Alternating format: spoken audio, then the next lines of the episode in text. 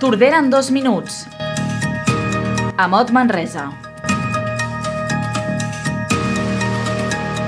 El Casal de Joves de Tordera ha estrenat la programació d'estiu amb forces novetats. A més dels tallers setmanals, aquesta setmana també ha organitzat una sortida al Waterwall, una proposta dirigida al públic jove nascuts entre 2005 i 2006 que se celebra aquest proper dijous. I el que comença la setmana vinent és la festa de la penya del Bistec, les bitlles a la fresca.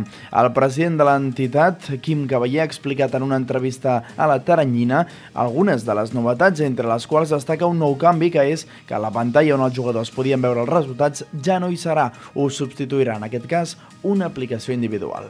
I avui destaquem que el tordarenc Jordi Fluvià participarà a l'Olimpiada d'Escacs a Índia.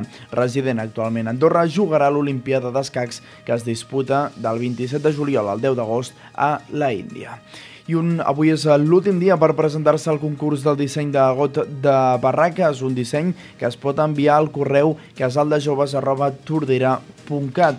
Justament aquest dilluns se celebra la missa de Sant Jaume i és que fa dos anys que no es pot celebrar amb normalitat degut a la pandèmia enguany, però es manté la celebració tradicional de la missa de Sant Jaume de Tordera, una celebració que acaba amb un petit refrigeri que comença a les 11 del matí. I avui també hem destacat que s'han aturat de nou la circulació de trens entre Blanes, Tordera i Massanet.